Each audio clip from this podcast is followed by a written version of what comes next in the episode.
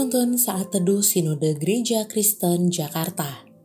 Jumat 21 Januari 2022 Judul Renungan Pelangi dan Perjanjiannya.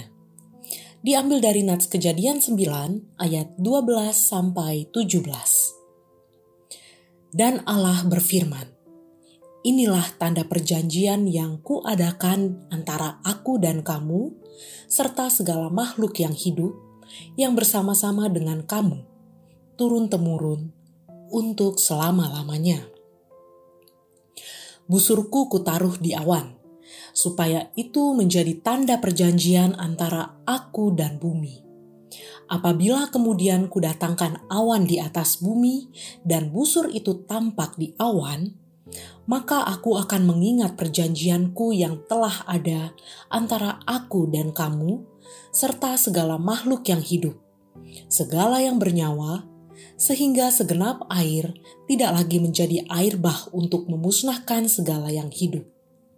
Jika busur itu ada di awan, maka aku akan melihatnya, sehingga aku mengingat perjanjianku yang kekal antara Allah dan segala makhluk yang hidup, segala makhluk yang ada di bumi. Berfirmanlah Allah kepada Nuh, Inilah tanda perjanjian yang kuadakan antara aku dan segala makhluk yang ada di bumi. Dikutip dari Dictionary of Biblical Imagery yang menjelaskan bahwa pelangi sehabis hujan adalah fenomena alam yang sangat indah. Spektrum cahaya menghasilkan bermacam-macam warna, membentuk kelengkungan yang memanjang di langit. Keindahan ini seketika memberikan rasa damai dan tenang setelah suasana gelap, petir, dan guntur akibat hujan deras yang terjadi sebelumnya. Istilah yang digunakan Alkitab untuk pelangi sama dengan busur panah, yaitu keet. Seakan-akan pelangi menunjukkan bahwa ada nuansa yang baru indah, dan damai. Setelah Allah mengambil busur panah untuk menghukum, kemudian busur itu ditaruh ke atas langit. Dalam nas renungan hari ini, Allah kembali memberikan mandat kepada Nuh dan keturunannya untuk memelihara dan mengusahakan ciptaan. Setelah manusia keturunan Adam dihukum dengan air bah karena melakukan dosa yang jahat dan merusak bumi ciptaan Allah. Allah menyelamatkan Nuh, keluarganya dan binatang-binatang dalam bahtera.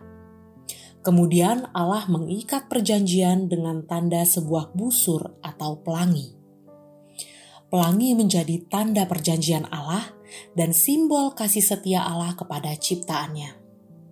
Seharusnya kita bersyukur dan gentar kepada Allah setiap kali mengingat dan melihat simbol pelangi ini. Hukuman Allah dengan air bah di zaman Nuh harus menjadi ingatan bagi kita di zaman ini tentang bencana yang begitu memilukan akibat dosa manusia. Selain itu, ingatan ini juga menjadi rasa syukur bahwa Allah setia kepada perjanjiannya. Allah setia memelihara bumi dengan tidak menghukum air bah lagi. Sebagai orang yang sudah menerima Kristus, kita punya tugas untuk memberitakan Injil. Kita memohon kepada Allah supaya setiap manusia memahami tujuan hidupnya, yaitu untuk memuliakan Allah. Cara dengan bekerja dan merawat bumi bukan malah merusak atau mengeksploitasinya. Jadi, jangan lupakan simbol pelangi dengan semua kisah, mandat, dan perjanjian yang ada di dalamnya. Busur di langit mengandung kisah dan mandat untuk menjaga bumi dan hidup berkenan kepada Sang Pencipta yang tegas dan adil. Terpujilah nama Tuhan.